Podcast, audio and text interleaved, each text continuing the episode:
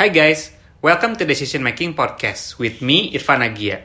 Sebuah podcast tentang bagaimana kita bisa lebih baik dan juga lebih bijak dalam mengambil keputusan dalam kehidupan kita sehari-hari.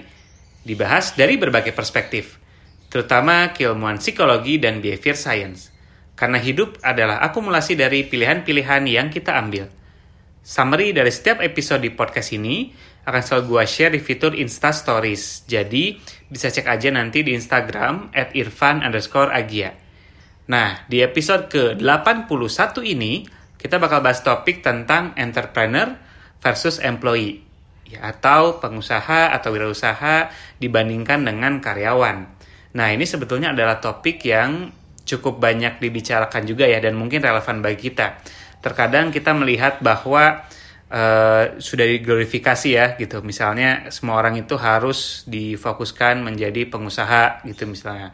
Terus juga uh, karyawan itu mungkin dipandang lebih sebelah mata gitu ya karena mungkin bekerja untuk orang lain. Gitu. Tapi entrepreneur kita bisa punya apa uh, usaha sendiri, kita jadi bosnya gitu ya nggak jadi nggak jadi bekerja untuk orang lain. Tapi sebetulnya episode kali ini mencoba memberikan perspektif yang lebih seimbang ya sebetulnya dari kedua uh, pekerjaan ini sebetulnya. Jadi sebetulnya setiap pekerjaan, baik itu kita jadi pengusaha atau menjadi karyawan, itu punya pro dan kontranya. Seperti itu. Jadi tidak ada yang sebetulnya kalau dari sudut pandang uh, apa gue pribadi itu yang lebih better dibandingkan yang lain. Tapi it's a matter of uh, which suits us more sebetulnya ya. Jadi tergantung yang cocok dengan kondisi kita saat ini yang cocok dengan motivasi kita yang cocok dengan prioritas kita itu apakah menjadi entrepreneur atau menjadi employee.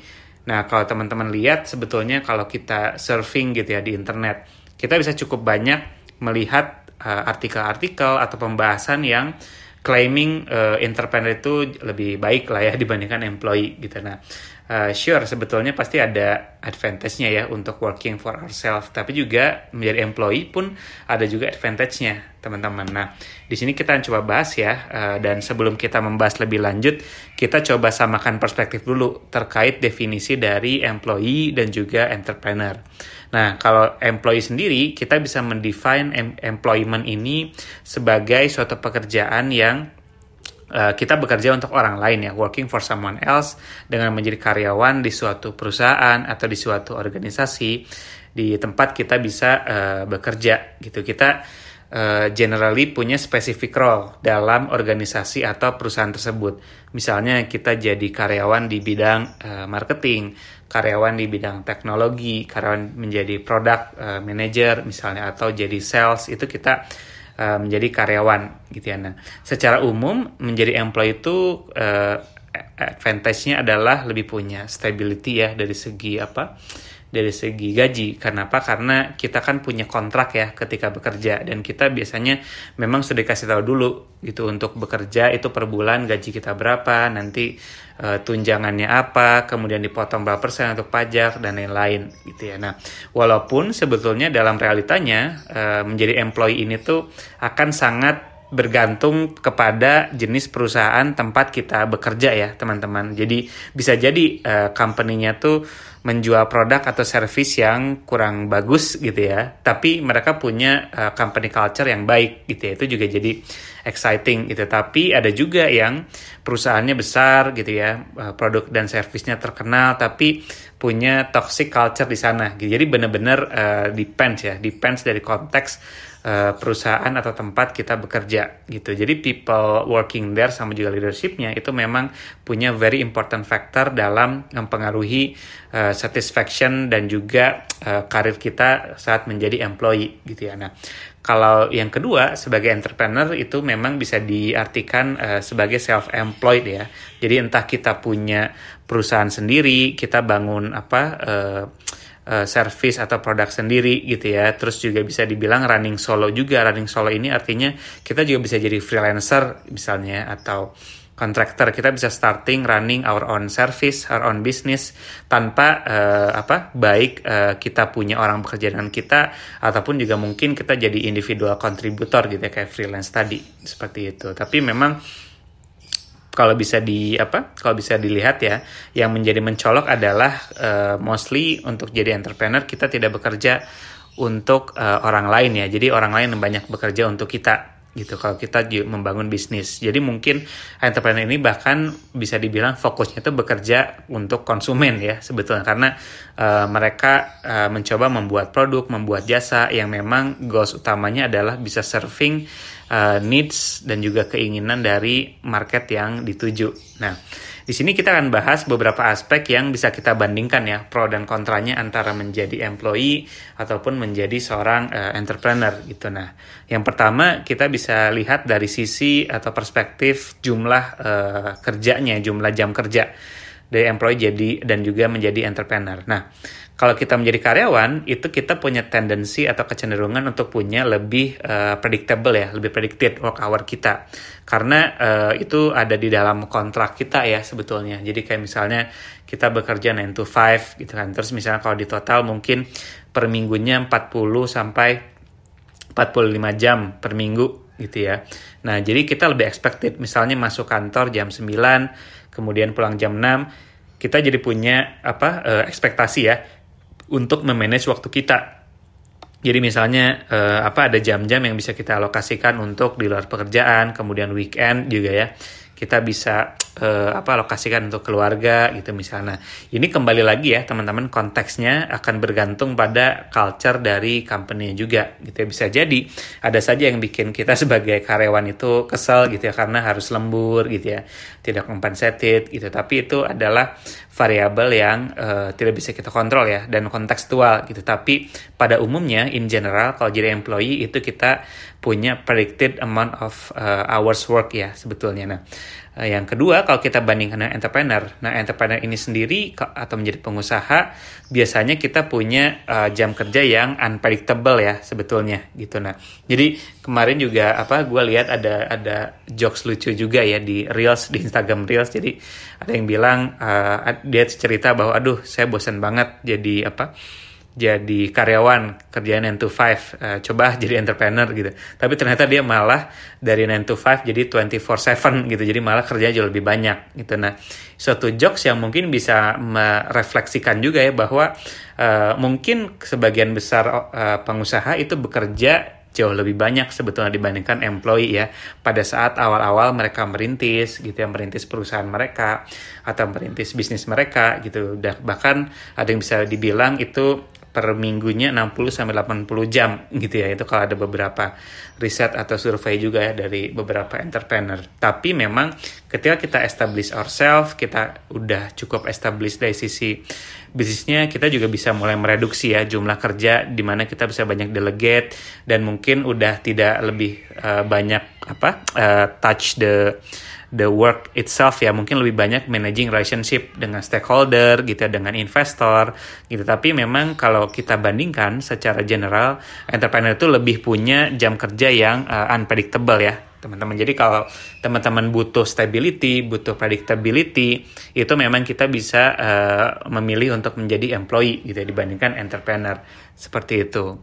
Nah, poin yang kedua selain dari jumlah kerja adalah sekarang kita membahas tentang work life balance-nya gitu ya. Jadi seberapa seimbang sih uh, waktu untuk bekerja dan juga untuk kehidupan lah ya di luar pekerjaan kalau kita bandingkan employee dan entrepreneur. Nah, seperti yang tadi kita bahas sebelumnya, karena employee itu lebih punya apa ya predictability lah ya jumlah kerjanya, mereka cenderung lebih bisa uh, memanage ya waktunya. Walaupun sebetulnya sekarang kita lihat pasca COVID-19, ya hopefully ya, walaupun kita masih masih di apa di suasana COVID-19 tapi hopefully kita entering the endemic dan sekarang kalau kita lihat trennya itu sudah banyak company yang menerapkan remote friendly atau work from anywhere. Nah, sebetulnya ini kita bisa bilang menjadi game changer juga gitu ya, terutama dari sisi employee ya.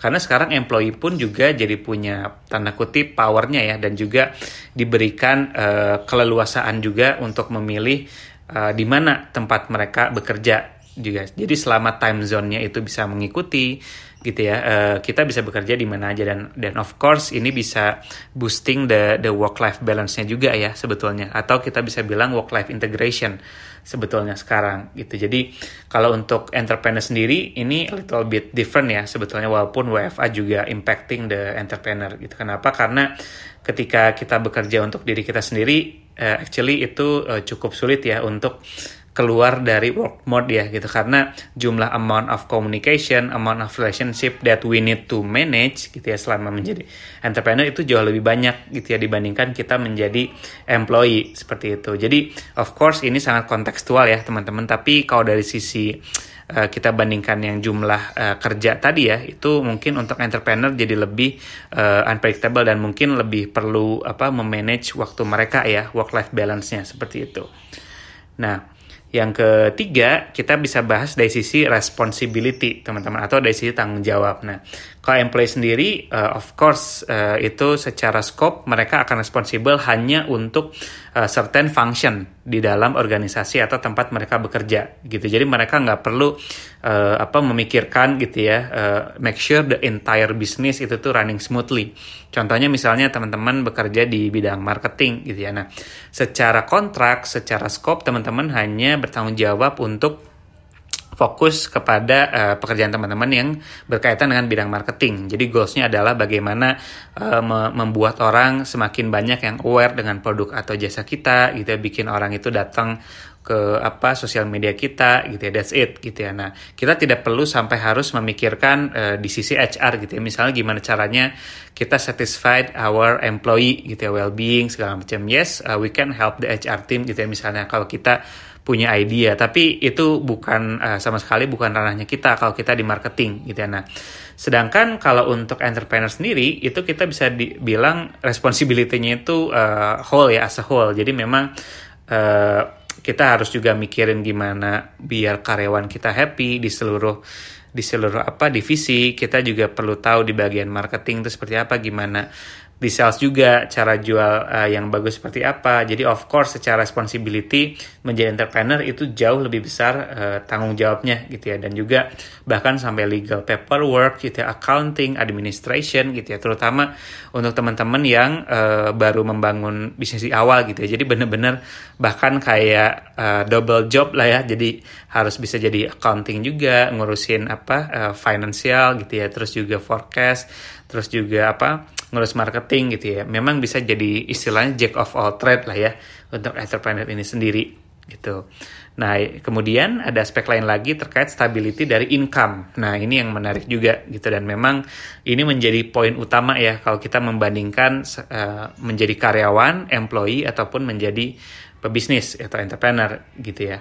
Nah, kalau untuk employee sendiri kita punya steady pay and benefit gitu. Nah, karena seperti yang tadi bilang, kita udah agree upon a salary per month, per year gitu ya. Kemudian benefitnya apa aja gitu dan kita bisa uh, counting on steady paycheck misalnya setiap tanggal 26, 27, 28 atau ada yang mungkin di awal bulan gitu ya. Tapi uh, memang no job is completely secure ya, teman-teman. Tapi memang kita bisa count on payday gitu ya untuk uh, kestabilan dari income kita. Nah, ini juga penting banget nih kalau teman-teman itu sedang ada apa program misalnya untuk mau cicilan gitu ya cicilan KPR lah atau misalnya cicilan eh, barang-barang lain gitu ya atau kebutuhan lain itu memang uh, akan lebih safe bagi kita kalau punya income yang stabil ya teman-teman seperti itu. Nah, kalau entrepreneur ini kebalikannya ya, ini mereka less stable gitu ya.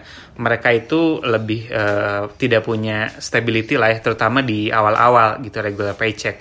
Terutama first few years gitu ya, karena most money mungkin goes right back into growing the business ya, teman-teman. Jadi kayak mungkin di awal-awal jadi pebisnis nggak akan ada apa ya healthy paycheck, mungkin malah jadi nombok gitu ya, karena uh, kita punya karyawan atau apa orang-orang yang bantu kita gitu ya dan juga kita uh, dari segi pemasukan itu sangat bergantung dengan outcome atau growth dari si company-nya gitu ya. Jadi uh, inilah yang memang jadi apa ya jadi concern juga ya atau hal yang harus teman-teman perhatikan kalau teman-teman mau memilih menjadi entrepreneur gitu ya. Nah kalau gitu dari sisi growth-nya nih growth of income. Nah kalau employee ini limited teman-teman selling of income-nya gitu. Jadi sebagai employee memang uh, kita punya limitation kayak contoh untuk level manager itu ada apa maksimumnya di bracket berapa gitu ya gajinya. Terus naik ke apa head gitu terus kemudian si level misalnya itu uh, berapa gitu ya si ceilingnya gitu. Nah walaupun sekarang karena perubahan zaman ya banyak yang kutu loncat juga gitu ya. Jadi berpindah-pindah untuk meningkatkan salary gitu ya. Tapi tetap kalau dibandingkan dengan entrepreneur ini mereka punya uh, potensial untuk financial growth itu jauh lebih besar dibandingkan employee ya. Gitu karena entrepreneur sendiri tidak constrained to a salary dan their income itu nggak ada capnya sebenarnya. Jadi kayak which means their potential for financial growth itu very very much higher dibandingkan employee gitu kan. Karena uh, apa tergantung dari sukses dari bisnisnya ya. Jadi kalau memang bisnisnya itu ternyata dalam uh, tahun-tahun berikutnya itu growing gitu ya udah punya large share of profit itu juga bisa bikin secara income uh, itu jadi besar sekali ya untuk mereka gitu. Huge payoff in the future.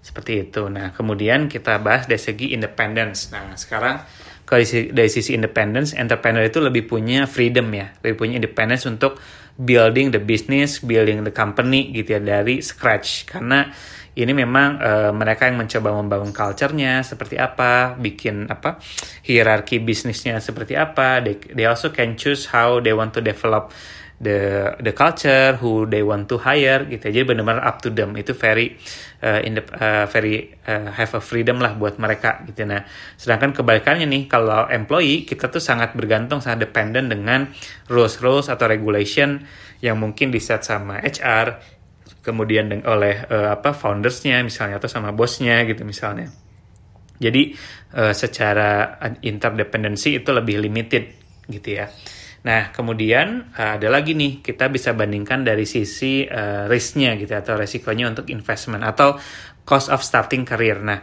kalau jadi employee, uh, kita bisa bilang mungkin secara secara budget kita tidak perlu mengeluarkan uh, biaya banyak ya untuk memulai uh, uh, bekerja gitu di industri tertentu. Yang mungkin kita mengeluarkan biaya untuk misalnya biaya pendidikan. Misalnya kita harus S1 dulu atau pengen misalnya mau S2 ya untuk menjadi syarat untuk menjadi karyawan di perusahaan tertentu atau ikut apa uh, GMAT gitu ya, CISAT gitu kan untuk les bahasa Inggris itu biaya-biaya yang perlu dikeluarkan tapi tidak sebesar kalau kita mungkin mau menjadi pengusaha atau entrepreneur misalnya. Nah, kalau entrepreneur kan mungkin kita harus punya modalnya dulu nih gitu ya. Misalnya apakah kita mau dari uang sendiri atau misalnya mau apa fundraising gitu ya ke investor gitu. Jadi untuk memulai karirnya untuk employee itu bearing, cost barrier-nya itu lebih rendah dibandingkan uh, menjadi entrepreneur gitu ya. Dan of course uh, kalau jadi entrepreneur itu pun semacam high risk high reward ya teman-teman. Jadi memang uh, sangat uh, bisa dibilang perlu perlu mental yang berbeda ya. Banyak orang yang bilang untuk jadi